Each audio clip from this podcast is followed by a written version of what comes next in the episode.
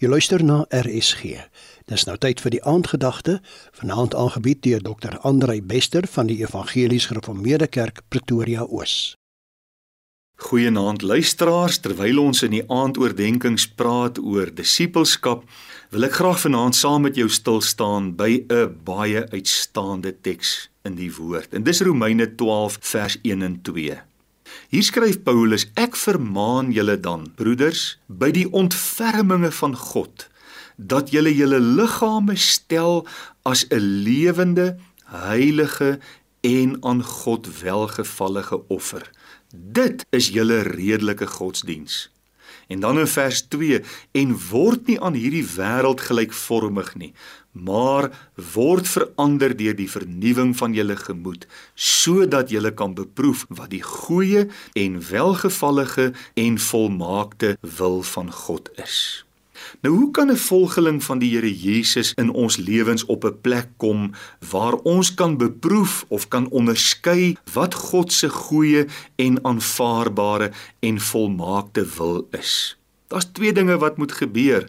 Die eerste is die vermaaning in vers 1 waar Paulus sê ons moet ons liggame stel as lewende, heilige aan God welgevallige offers en die tweede is ons moenie aan die wêreld gelykvormig word nie, maar ons moet voortdurend verander word deur die vernuwing van ons denke. In vers 1 sê hy ek vermaan julle broeders by die ontferminge van God. Met ander woorde, op grond van die feit dat God hom oor ons ontferm het, dat ons ons liggame moet offer as 'n lewende, heilige offer wat vir die Here aanneemlik is. Ons liggame is al wat ons het om aan te bied, want ons leef in ons liggame.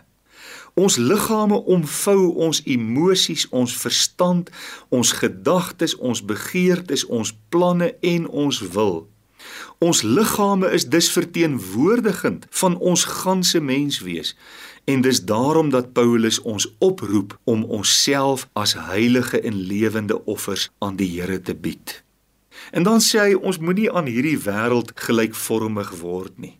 En hoe hard werk die wêreld nie elke dag om ons in te trek en om ons te probeer vorm na die beeld van die wêreld nie. Die wêreld het natuurlik die ganse media tot sy beskikking om op ons in te werk en ons te probeer vorm na die beeld van die wêreld. Maar Paulus sê nee, moenie dat dit gebeur nie. Word verander deur die vernuwing van julle denke. En dis natuurlik vanuit die woord van God. Hoe meer ons die woord inneem, hoe meer word ons verander na die beeld van Jesus. Kom ons sê vir die Here dankie. Dankie Here dat U ons op ons weg op ons pad van disippelskap help om ons liggame aan U te wy as lewende heilige offers wat vir U aanneemlik is. En baie dankie dat U ons ook help in ons stryd teen die wêreld en vir ons verder ook help op die pad waarin ons vernuwe word in ons denke. Ons aanbid U daarvoor in Jesus se naam. Amen. Dit was die aandgedagte hier op RSG, aangebied deur Dr. Andrei Bester van die Evangelies Gereformeerde Kerk Pretoria Oos.